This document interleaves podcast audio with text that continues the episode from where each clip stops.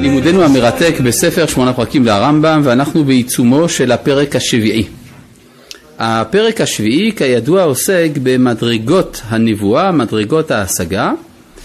נשאלת השאלה מה זה קשור לספר שמונה פרקים שהוא ביסודו ספר בנייני מוסר? התשובה היא שיש קשר אה, הדוק בין המדרגה המוסרית של הנביא לבין השגתו. הרי למדנו שיש מה שנקרא אספקלריות. אספקלריות זה ממילה לטינית שפירושה מראות. אלה הן מדרגות בהשגה של הנביא, ככל שהאדם יותר מזוכח בחוכמתו ובמידותיו, כך השגתו באלוהות גבוהה יותר, ואז כך יש לו פחות מחיצות. עד שנאמר על משה רבנו שהייתה לו רק מחיצה אחת שהבדילה בינו לבין השגת הבורא, וצריך לברר מהי אותה המחיצה. כן, הבטחנו ב... מה זה? משוכה. משוכה, זאת אומרת יש אה, מחסום, כן. אה, אם כן, למדנו, אה, כבר בשיעורים הקודמים עסקנו בשאלה הזאת, מהי אותה המחיצה שמונעת ממשה להגיע אל ההשגה הבהירה, אבל אנחנו בינתיים בשלב קדום יותר. הרמב"ם אמר לנו שעל מנת להיות נביא אי אפשר להתנבא אם אין מאה אחוזים של חוכמה. כלומר, אם הנביא עושה טעויות לוגיות, למשל, הוא לא יכול להיות נביא, אין מה לעשות. אבל לגבי המדרגה המוסרית, תיתכן איזושהי חולשה קלה מבחינה מוסרית, ואף על פי כן לא תתעכב באופן מוחלט הנבואה, אלא המדרגה תהיה נמוכה יותר. והרמב"ם אה, הביא לנו כבר מספר דוגמאות. אה, ראינו אה, בינתיים על אה, דוגמאות על שלושה אנשים, שלמה, דוד ואליהו. שלמה, דוד ואליהו, שלושתם נביאים, ואף על פי כן יש בהם איזשהו חיסרון. אצל שלמה ריבוי התאווה, אצל דוד האכזריות, ואצל אליהו הכעס, הרגזנות. כן? אלה הם שלושת הדוגמאות שהבאנו עד עכשיו, וכאן אנחנו ממשיכים ברשימה של גדולי האומה שלפי מדרגתם היה להם איזשהו פגם שמנע מהם את ההשגה הבהירה. אה, זה אם כן בספר שמונה פרקים פרק שביעי. המספור של הדפים משתנה ממהדורה למהדורה, אבל מי שמחזיק במהדורה הזאת, שאני ממליץ עליה, מהדורה טובה, אה, זה בעמוד ר"ג. אבל אני יודע שיש מהדורות אחרות. וכן מצאנו בשמואל, הנה, יש לנו דוגמה, אם כן, על פגם אה, דק מן הדק כמובן, אצל שמואל הנביא, שפחד משאול, וביעקב שפחד מפגישת עשיו. כלומר, הפחדים האלה נחשבים לאיזושהי חולשה בנפש, זה פגם במידת הגבורה. כן, על מנת להיות נביא, אין הנבואה שורה אלא על חכם, גיבור ועשיר, והנה אנחנו מצאנו איזושהי חולשה בתחום הגבורה. שמואל שמפחד מהפגישה עם שאול, ויעקב שמפחד מן הפגישה עם עשיו. מה, מה זאת אומרת? אז מה, היו צריכים ללכת בלי הכנות? הרי מה אמר שמואל? כשהקדוש ברוך הוא אומר לשמואל, לך אל שאול, לך אל דוד ותמשך אותו למלך, אומר שמואל, איך אלך ושמע שאול והרגני. ואז הקדוש ברוך הוא אומר לו, אה, אין בעיה, תגיד שבאת לזבוח. אתה עושה איזשהו זבח, ואז יהיה איזה תירוץ לפגוש את ישי ואת בניו, ותוכל למשוח את אחד מבניו למלך. נשאלת השאלה, וכי שמואל לא היה צריך להתנהג כך? הרי ברור שאם אדם בא לעשות מעשה שיכול להביא למותו, צריך להכין את עצמו. אלא שכנראה הרמב"ם מבין שאצל שמואל זה לא רק שהוא נוקט באמצעי הזהירות המתבקשים במצב של סכנה, אלא שגם היה פחד פנימי. הפחד הפנימי הוא הבלתי מוצדק. אתה, שמואל, בא לקדם את ההיסטוריה, או לדאוג רק לביטחון האישי שלך. הרי משיכתו של דוד זה שינוי, זה מהלך משמעותי שמשנה את כל תולדות האנושות כולה. כן, הרי מדוד המלך תצא השושלת המשיחית. המשיח מתקן את העולם כולו, ואתה אומר, רגע, מה יקרה אם יהרגו אותי? זה לא רציני. לכן כאן יש טענה נגד שמואל על זה שהוא פחד. אה, צריך להבין שהפחד הזה זה אה, פחד דק מן הדק, זה לא במדרגות שלנו, אבל אף על פי כן לפי ערכו של שמואל, אז יש כאן איזשהו פגם שמצוין כאן כמשהו שמעכב את שלמות הנבואה. וביעקב, שפחד מפגישת עשיו, על מה מדובר? כאן צריך להיכנס קצת יותר לפרטים. אה, יעקב חוזר מבית לבן, והוא שולח מלאכים אל עשיו אחיו, עשיו מגיע, הוא בדרך, יעקב שומע שיש לו עמו 400 איש.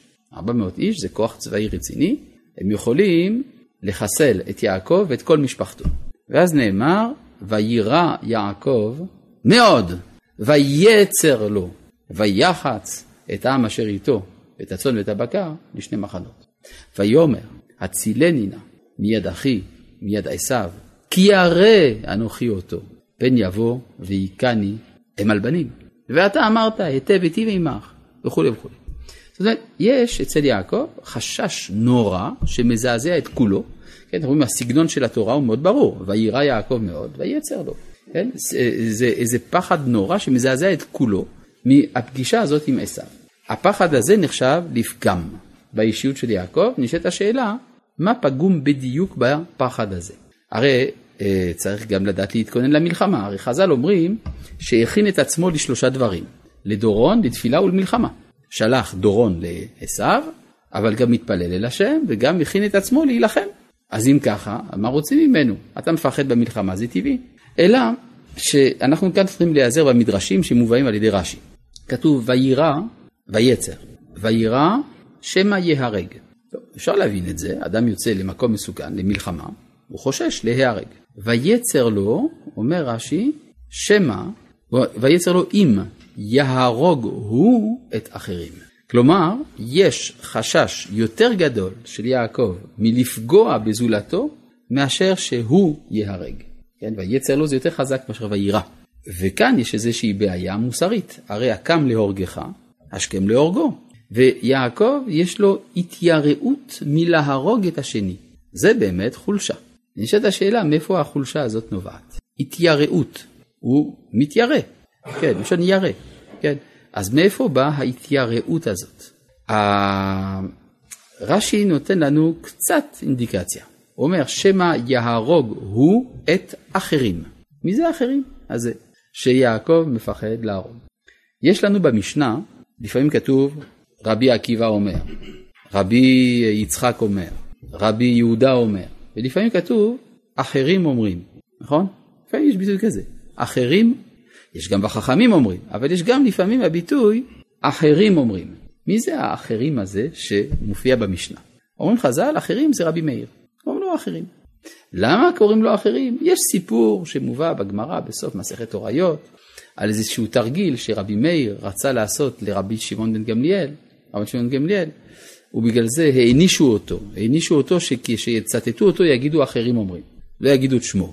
כן? זה סיפור שלם. יש אומרים שזה התגלגל לו בגלל שהוא למד תורה מאחר, אחר זה אלישע בן אבויה, כן? שהיה אפיקורוס. מה פתאום אתה הולך ללמוד אצל אפיקורסים? אז כתגובה, קראו לו אחרים.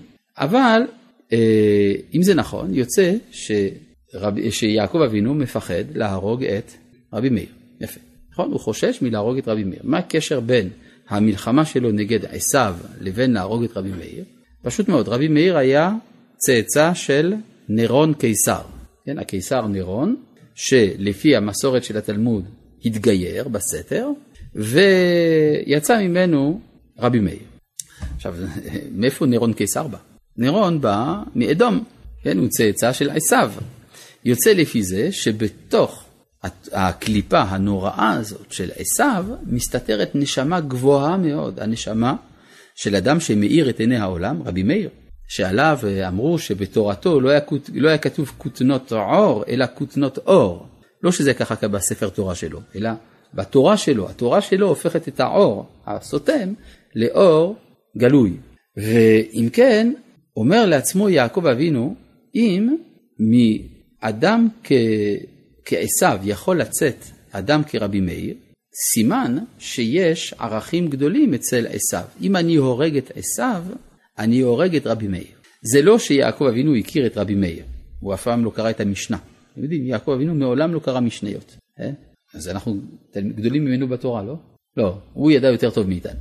על כל פנים, אה, זה לא שרבי מאיר ספציפית מעניין אותו, אבל זה הצד האחר של הקדושה שנמצא באלוהים אחרים כביכול. כלומר, בצד הנסתר של המציאות, יש שם ניצוצות של קדושה, ואנחנו יודעים שהם באו לידי ביטוי אחרי אלפי שנים דרך האישיות של רבי מאיר. נאמר את זה אחרת, החשש של יעקב הוא שכאשר הוא יוצא למלחמה, יש החלשה של תחושת, תחושת הצדק שלו. מדוע? משום שאצל האויב יש גם כן ערכים, ואתה הולך להשמיד את הערכים האלה כאשר אתה תנצח את האויב. ואז בעצם שום מלחמה איננה צודקת. מדוע? כי אמנם אני צודק, אבל יש בתוכי קלקול. אמנם האויב לא צודק, אבל יש בתוכו צדק. אז אי אפשר להילחם במצב כזה. ויירא יעקב מאוד, ויצר לו. שמא יהרוג הוא את אחרים. במצב כזה אי אפשר להיכנס לארץ ישראל. הרי כל הזה מתרחש ליד מעבר יבוק בכניסה לארץ ישראל. מה נעשה כדי להוציא את יעקב מן המצב הזה? כתוב מפורש, לא? ויוותר יעקב לבדו, ויאבק איש עמו עד עלות השחר. מי ניצח? האיש או יעקב? יעקב. יפה, אז הוא הוכרח להילחם, והוא הוכרח גם לנצח. כאשר הוא ניצח, הוא הפך מיעקב לישראל. כי שרית עם אלוהים ועם אנשים ותוכל.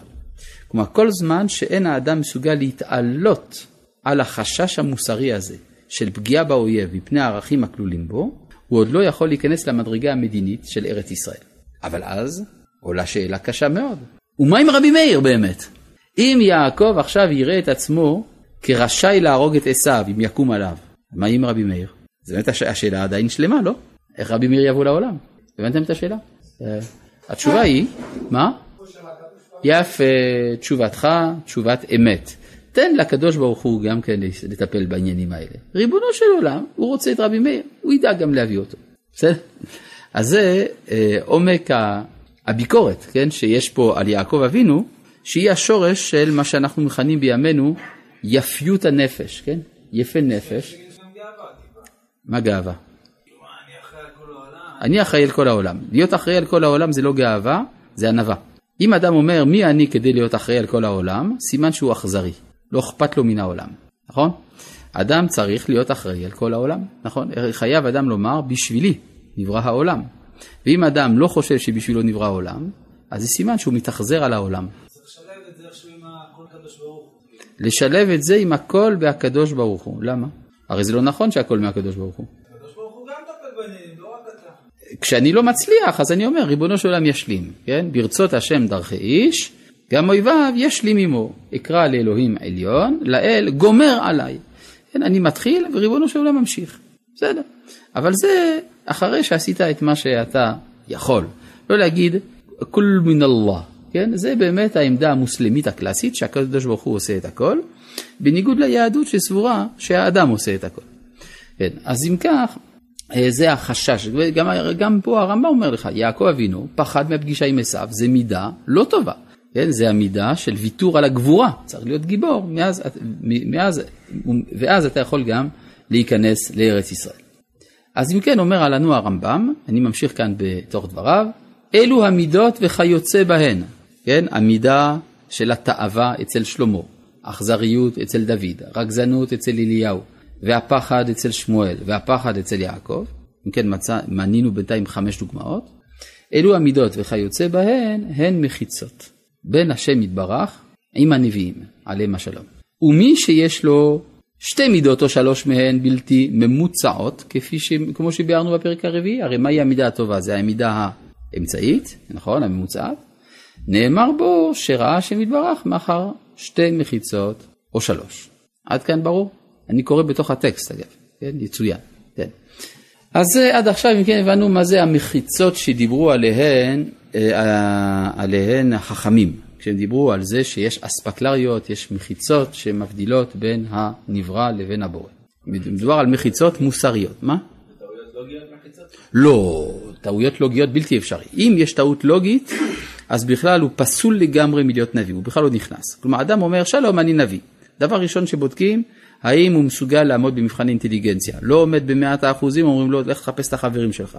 אבל, אבל כן, אבל כה אמר השם, לא אכפת לנו, לא רוצים לשמוע אותך. מה שאין כן, אם האדם כבר מסוגל מבחינה לוגית לא לעשות טעויות, אז בודקים עכשיו את ההתנהגות המוסרית שלו. ואז רואים אם יש פגמים או אין פגמים. ואז לפי זה גם יודעים את מעלתו בנבואה. ולא תרחיק, היות חסרון קצת המידות, אנחנו בתוך הטקסט, כן? ולא תרחיק, היות חסרון קצת המידות, ממעט ממדרגת הנבואה. שאנחנו מצאנו קצת פחיתות המידות ימנעו הנבואה לגמרי ככעס. כלומר, הכעס מונע לחלוטין נבואה. אמרו, כל הכועס, אם נביא הוא, נבואתו מסתלקת ממנו. המשפט בשלמותו זה אם חכם הוא, חוכמתו מסתלקת ממנו, אם נביא הוא, נבואתו מסתלקת ממנו. אתה רואה אדם נביא, סופר נביא, יום אחד כועס, טראח, אין לו נבואה. רואים את זה בפרשת מטות, כאשר משה שולח את החיילים למלחמת מדיין. הם חוזרים עם השביב, המלכוח, השבויים, כסף, זהב וכולי, הרבה דברים. אומרים, עשינו מה שהקדוש ברוך הוא אמר לנו לעשות, כיסחנו את המדיינים, הנה הבאנו שבי, הבאנו זהב. מה זה בשבי? הרי הם הרגו כל זכר. אז מה הם הביאו? נשים וטף. אומר משה, ויקצוף משה על פיקודי החיל. החייתם כל נקבה? למה נשארתם את הנשים בחיים? הרי הם אלו דווקא שהחטיאו אותנו במעשה בעל פאור. דווקא אותם היה צריך להרוג.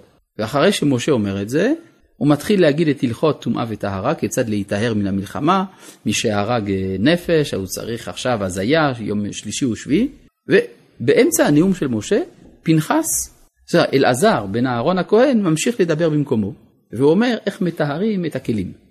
שואלים חז"ל, למה משה לא אמר את הכל? הוא אומר, כיוון שבא לידי כעס, בא לידי שכחה, שכח את ההלכות. ואז היה צריך אלעזר להמשיך במקומו. גם פה אנחנו רואים דוגמה עם אלישע הנביא. הנה, והביאו ראיה מאלישע, שנסתלקה ממנו הנבואה כשכעס, עד שהסיר כעסו, והוא אומרו, ואתה כחולי מנגן. מהו הסיפור? זה סיפור די מזעזע. כן, עם, אה, זה בספר מלכים, איזה מלכים א' או מלכים ב'? מה אתם אומרים? מלכים ב', איך אתם יודעים? כתוב, יפה. באיזה פרק? פרק ג', נכון, אבל איזה פסוק? ט"ז. זה רעיון, אנחנו נעלה את זה כאפשרות, מצד האמת מדובר בפסוק ט"ו, כן? אבל uh, היה אפשר גם לבדוק את ט"ז, סך הכל זה לא רחוק. עכשיו, על מה מדובר שם? יש מלחמה שאליה יוצאים שלושה מלכים, מלך ישראל, מלך יהודה ומלך אדום. שלושתם יוצאים למלחמה נגד מלך רביעי, הלוא הוא מלך מואב. יש קואליציה, אם כן, של שלושה מלכים, יהודה, ישראל ואדום, נגד מלך מואב. הצבא הולך לו בתוך המדבר, מתבלבל בדרך, הולך לאיבוד, וכבר אין מים לשתות. ואז הצבא של שלושת המלכים האלה עומד בסכנת מוות ממשית. יהושפט מלך יהודה אומר ליהורם מלך ישראל, אומר, תשמע, יש לי רעיון.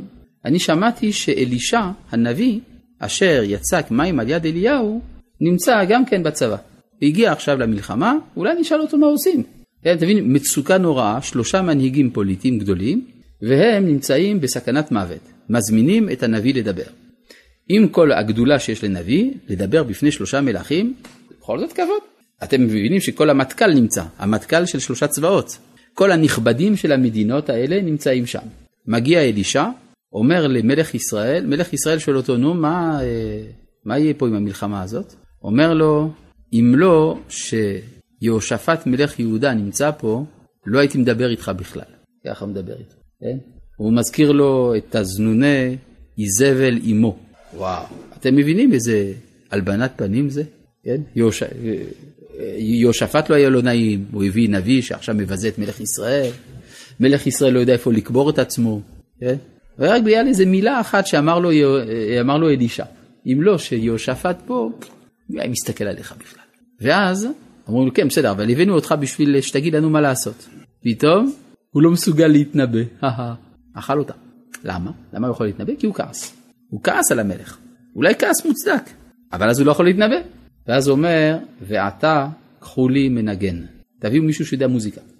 והיה כנגן המנגן, ונחה עליי רוח השם. ואז הם מביאים מנגן, מנגן, ואז פתאום אלישע מצא את הפתרון, הוא אמר תלכו לשם, פתאום ראו מים בתוך המדבר. הכל. שאול גם היה זקוק למנגן, אז זה משהו אחר. שאול היה בדיכאון, כן? היה דיכאון, היה לו, אה, היה לו דפרסיה, אז הוא היה זקוק למישהו שינגן, כדי שתחול עליו רוח השם, נכון? אבל פה מדובר על הכעס, ואתה כחולים מנגן, והיה כנגן המנגן והייתה עליי רוח השם. יש אגב הסבר יפה של החסידים, אני חושב של המגיד ממזריץ', מה זה והיה כנגן המנגן? לכאורה צריך להגיד כנגן הגיטרה, או כנגן הנבל. אז אבל, אלא מה? אומר המגיד ממזריץ', שהכלי שבו השתמש המנגן היה הוא עצמו. הוא מנגן את עצמו, הוא הכלי של הנגינה. מה? לא, הוא לא שר, הוא מנגן. הוא מנגן, אה, כמו אדם, איך אומרים, יש ביטוי כזה, אני גיטרה, נכון? מישהו מנגן עליי. אז גם הוא ניגן את עצמו, ומתוך זה היה אה, חלה עליו רוח השם. אה, אגב, מזה אנחנו רואים את הקשר ההדוק שיש בין האומנות, עולם הדמיון, לבין הנבואה. אם אדם אין לו חוש מוזיקלי, צריך לשכוח מהנבואה. איך אומר הרמב"ם בהלכות אה, יסודי התורה? שהנביאים לפניהם תוף ונבל וכינור, ויושבים ומתבודדים ושמחים, ומשיגים הנבואה. עכשיו, זה לא שהנבואה באה רק מן המוזיקה, רק מוזיקה זה נחמד, אבל זה, סך הכל זה לא עושה אותך נביא. אבל כיוון שהוא זקוק להרחבת הדעת, הוא גם זקוק למוזיקה. לא, הוא י... בסדר, הוא יכול גם לדמיין מוזיקה, יותר טוב שיביאו כלי נגינה. כלומר, ביליד כל בית ספר לנבואה הייתה מחלקת מוזיקה, שם היו מביאים מנגנים שיעזרו לנביאים להתנבא. משהו כזה, לא יודע, זה כבר עניין של טעם אישי, כן? טוב. אז תלוי, אם זה לפי החסידות, הם מנגנים את עצמם, לפי הרמב"ם הם מנגנים בתוף ונבל וכינור. עד כאן להיום, שלום.